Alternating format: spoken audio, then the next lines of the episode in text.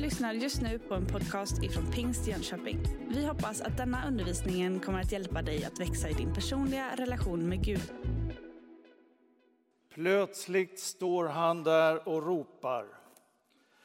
Jag är rösten av en som ropar i öknen. Gör vägen rak för Herren. Efter 400 års tystnad i judisk historia så dyker en Johannes upp med smeknamnet Döparen. Vid Jordans vatten i Judaöken har han sin arbetsplats långt ifrån Jerusalems ordnade gudstjänstliv. Det var ett brobygge mellan de två testamentena. Johannes döparen var prästson och han var kusin med Jesus. Han är väl mest känd för de originella kläderna och den märkliga kosthållningen. Nu var han vägröjare för Nya testamentets huvudperson. Han säger om sig själv när han blickar framåt. Jesus ska bli större och jag ska bli mindre. Jag är inte ens värdig att lösa upp remmarna på hans sandaler. Det kallar jag ödmjukhet. Jesus säger om Johannes döparen Sannerligen, ingen av kvinna född har trätt fram som är större än denne Johannes. Ja, texten har vi hört och sett framför oss idag ifrån Johannes första kapitel. Det handlar om Johannes döparen som står där. Det är flera dagars händelse som vi möter när vi läser hela kapitlet. Det är några präster som kommer ifrån Jerusalem som vill se och kolla lite vad som händer där ute vid Jordans strand.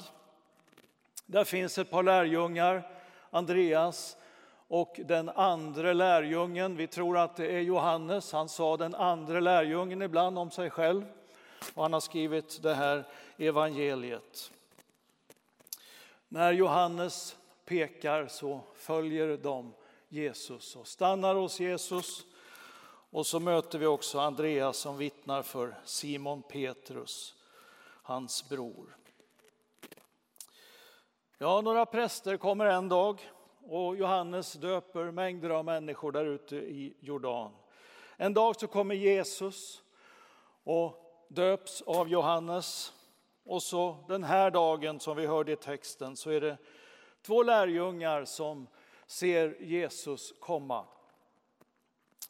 Och det är den här tidiga och den här överbryggande händelsen som jag tänker på idag mellan de två testamentena, gamla och det nya.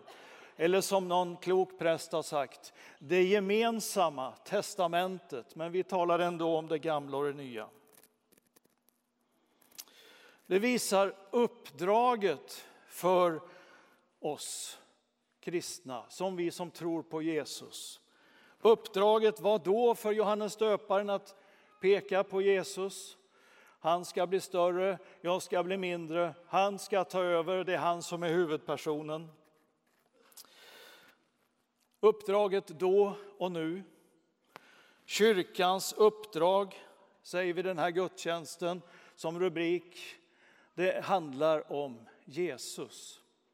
Inte så revolutionerande för oss som har levt i det budskapet under många, många år, men ändå så revolutionerande för våra liv. Det som har gett oss en inriktning, som har gett oss en upplevelse, som har gjort ett under i våra liv så att vi följer Jesus i en mängd olika uppdrag, i böneliv, i vittnande, i gemenskap med honom och våra medmänniskor. Kyrkans uppdrag den kristnes uppdrag. Jag tänker på de här uttrycken idag då.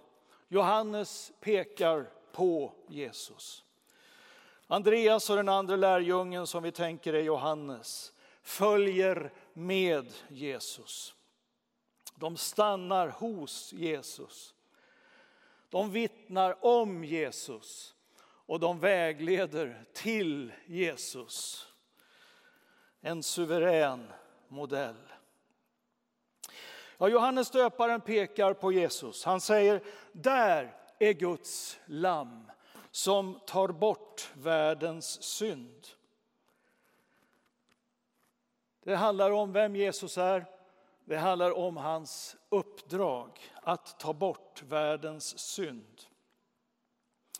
Det är alltså ett lamm som kyrkan och du och jag pekar på. Ett lamm som har besegrat den onde. Ett lamm som har blivit sårad och som har gett sitt liv. Blodet från ett lamm det går som en röd tråd genom biblisk historia. Det var lammet som befriade, lammets blod som befriade folket ifrån 400 år i fångenskap i Egypten. Så att man kunde dra ut därifrån och genom Röda havet och vidare ut i ökenlivet. Lammet från ett årsgammalt felfritt blod. Blodet från ett lamm. Vi möter offerlammen i öknen till försoning mellan människa och Gud. Och naturligtvis möter vi framförallt lammet, det fullkomliga blodets rinnande på korset. Det som ni ser framför er, som är tomt i vår gemenskap här. Jesus Kristus lever, men hans blod har runnit på korset. Till försoning för dig och mig med himmelens Gud. Och i himlen så ska vi sjunga Mose och Lammets sång. Det finns en koppling mellan det som var och det som kommer, men också det som är. Ett blod som predikar försoning. Det sårade och det offrade lammet. Det föraktade och det svaga. Det utgivande och det slaktade. Det segrande lammet. Det är blodet från det offrade och det segrande lammet som är biljetten till det eviga livet. Ingenting annat. Det är det Jesus har gjort. Det är hans blod. Det är det som är vår garant. Det är det som är vår biljett till det himmelska. Och det uppdraget det är givet till kyrkan och till varje kristen människa att förkunna, att leva ut, att vittna om. Du var inne på Guds storhet Mikael. Jag tänker på kraften i svagheten. Storheten i det lilla och enkla. Och du sjöng en sång också om det, Anna Maria. Evigheten i en himmelsk gåva. Det var två lärjungar som följde med och stannade hos Jesus. Och nu säger ni till mig att han stannade bara, de stannade bara en dag.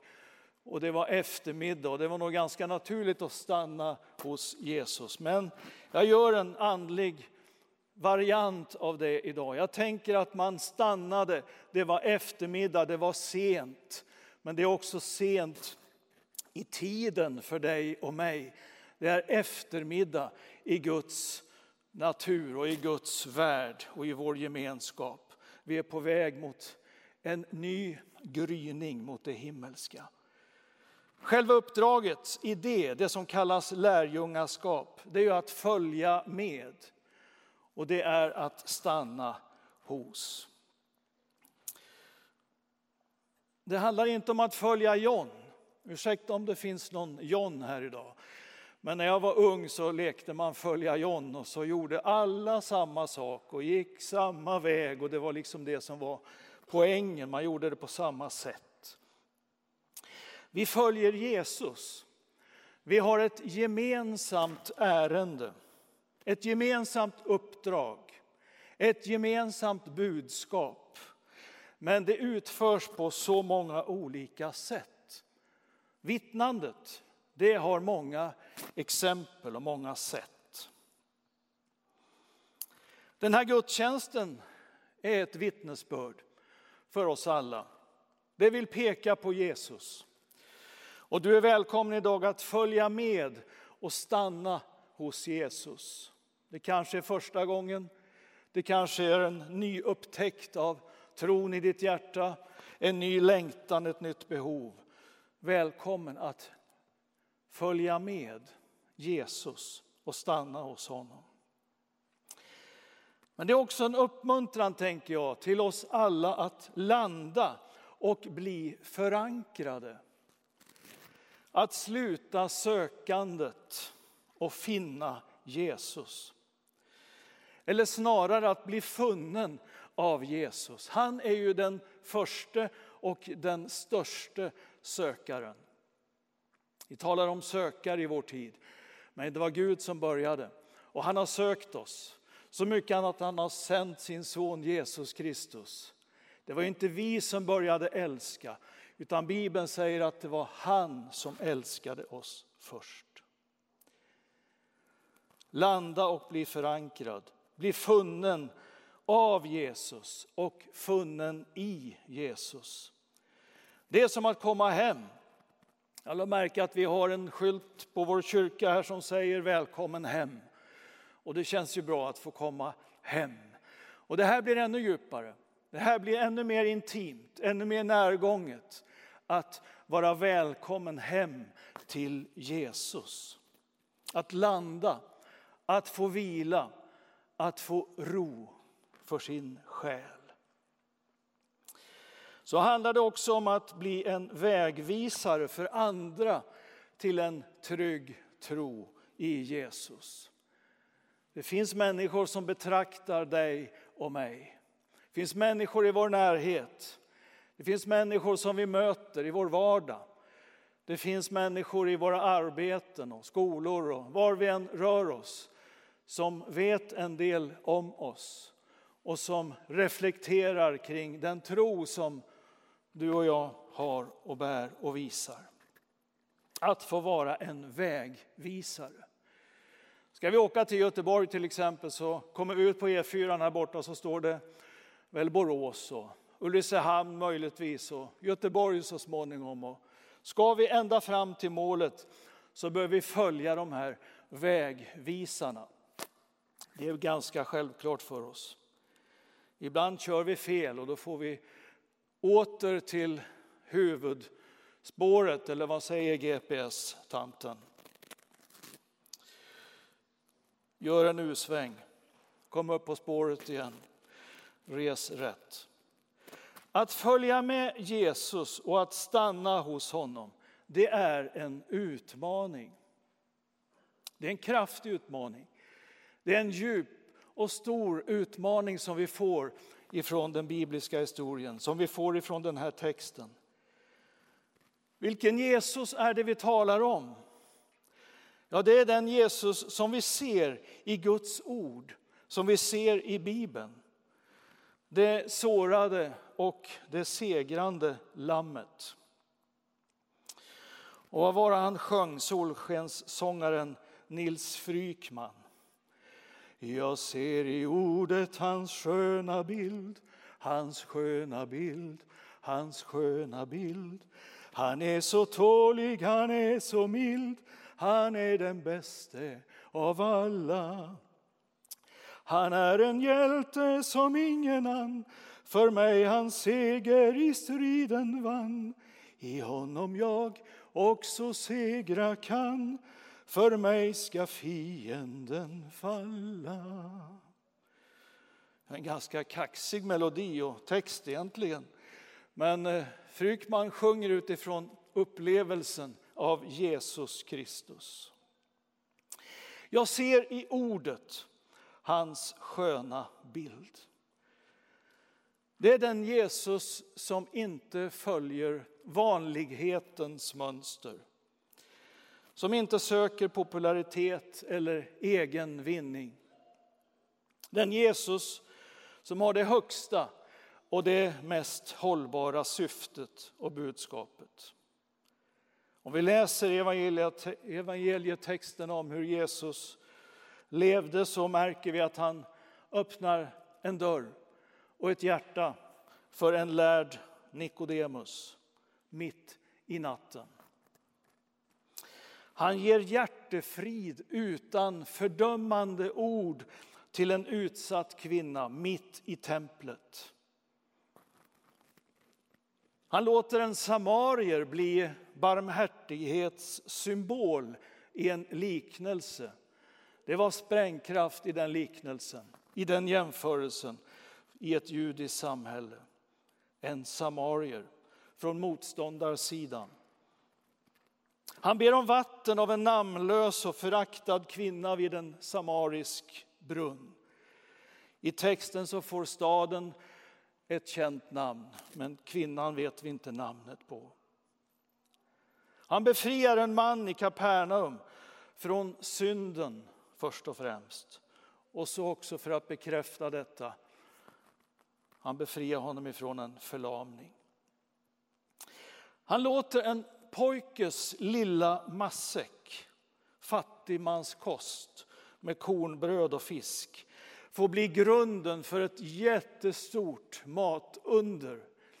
Och ibland funderar jag på vad Jesus tänker om den händelsen. Vad var störst för Jesus? Var det att hans lärjungar hittar en liten pojke med en liten matsäck? Eller var det att alla fick mat? Ja, pojken var viktig för Jesus och matsäcken. Han talar om en kvarnsten om halsen för dem som förleder ett barn. Han uppsökte spetälska, leprasjuka. Han måste gå genom Samarien, det föraktade området. Och han är syndares vän. När Petrus, lärjungen, frågar om förlåtelse, det var en stor fråga för Petrus och han tyckte att han tog till bra. Räcker att jag förlåter sju gånger om någon har gjort något åt mig, för mig? Inte sju, sa Jesus, 70 gånger sju. Den fullkomliga, fullständiga förlåtelsen. Och läs vidare i texterna om Jesu liv. Vad han sa, vad han lärde, hur han var. Hans skärpa, hans barmhärtighet. Vägen till seger för Jesus och för oss, den går via Dolorosa. Innan uppståndelse och himmelsfärd och den heliga Andes nedslag som vi naturligtvis talar så härligt och glatt och gärna om. Det som hände i Jerusalem och därefter. Så gick den Jesus lidandets väg via Dolorosa. De härliga upplevelserna föregås alltså av smärta, av sår och av död. En smärta som föder salighet och härlighet. När Jesus närmar sig korset så verkar det som att avståndet ökar till hans egna lärjungar. Ensamheten blir påtaglig för Jesus. Han är oftast tyst. Han ser en egen lärjunge komma framför honom och förråda honom. Och han hör en annan lärjunge som förnekar honom. Det är den Jesus som vi talar om idag som låter sig förnedras, bli en skam, gisslas och hånas och orättfärdigt dömas för att till sist spikas upp på ett kors. Han vägrar att klaga. Han vägrar att slå tillbaka. Han talar goda ord till och med från korset. Han kliver inte av. Jesus hänger kvar in till sista andetaget och utbrister. Det är fullbordat. Det är en förkrossande seger över djävulen, över den onde själv över all ondska. Det är den Jesus som vi talar om idag, som vi firar gudstjänst inför och med idag, som vi erbjuder i den här gudstjänsten. Den Jesus som vi följer och som vi vill stanna hos. Det segrande lammet och samtidigt lejonet av Juda som Johannes skriver om i sin uppenbarelse. De här lärjungarna de är ju olika, som vi. De eh, kommer från olika miljöer. De bor här några år och de flyttar vidare, de kommer tillbaka. De eh, finns visserligen i en begränsad område i landet Israel. De har olika yrken, de har olika karaktärer och temperament. Just i det här kapitlet så möter vi Johannes döparen, Andreas, Johannes, Simon Petrus, Filippos och Natanael. Och läs gärna hela det kapitlet. Min punkt tre idag handlar då om att när vi har hört och sett någon som pekar, visar på, är en vägvisare till Jesus och några som följer och stannar så är också uppdraget för dig och mig och för kyrkan genom alla tider att vittna och att vägleda. Att vara vägvisare. Hur gick det för Johannes? Ja, han är ju den enda som inte blev marterad till döds. Han dog en naturlig död. Men han hamnar på ön Patmos. Han får Johannes uppenbarelse, eller Jesu Kristi uppenbarelse. Han blir pastor, föreståndare, han blir till och med biskop i Efesos. Han vittnar genom sitt liv, han talar mycket om kärlek och han vittnar naturligtvis genom det som finns i Bibeln, Uppenbarelseboken och hans kärleksfulla brev. Andreas, vi upplever honom som en medlare, också en brobyggare. Direkt när han har mött Jesus och stannat hos Jesus och nästa dag så vill han berätta för sin bror Petrus. Vi vet mer om Petrus än om Andreas, men Andreas var viktig för sin bror. Vi har funnit Messias. Och så sammanför han Jesus och Petrus. Och jag kan tänka på våra nära och kära, våra närmaste som eh, ser oss ofta som vi lever tillsammans med. Också att få förmånen att leda nära anhöriga och närmaste vänner till Jesus. Andreas och vittnesbördet kan vara en bild på det. Han får lite senare i evangelierna syn på en liten pojke då som vi tänkte på alldeles nyss i det stora matundret. Men det är Andreas som får syn på den här lille pojken och för honom till Jesus. Och då tänker vi på de små, de utsatta. Vi tänker på de svaga. Vi tänker på barnen. Och så leder han några greker till Jesus vid ett tillfälle. Och då tänker jag på främlingen som finns och som kommer till oss. Det okända och det ovana i kyrkans gemenskap. Att få föra människor till Jesus. Det är vittnesbördet om Andreas. Hur är det för dig och mig idag? Ja, vi behöver inte svara offentligt. Och för kyrkan i Sverige, i västvärlden. Pekar vi på Jesus? Följer vi med Jesus idag? Han är ju av evighet. Han är densamme igår, idag och i evighet. Så vi kan fundera på, är Jesus huvudpersonen i våra liv idag? Stannar vi hos Jesus? Eller går vi före, går vi vidare, går vi vid sidan? Vittnar vi om honom? Är det vårt vittnesbörd? Och vägleder vi till Jesus? Det här är ju inget som du och jag klarar i vår egen kraft. Det här är ett annat uppdrag än som finns i företagsvärlden eller i skolvärlden eller på andra ställen i vårt samhälle. Det här är ett djupgående evangeliskt budskap som når härifrån ända in i den himmelska världen. Där vi har det stora fantastiska uppdraget att få vägleda en människa in till himlen, in till Jesus. Anden, hjälparen, slutligen tänker jag på, som kommer vår svaghet till hjälp. När vi känner brist, vilket vi gör, så finns anden där, hjälparen, det vackra uttrycket. Och det står om hjälparen. När Jesus presenterar hjälparen i Johannes 16 så står det att hjälparen ska förhärliga mig.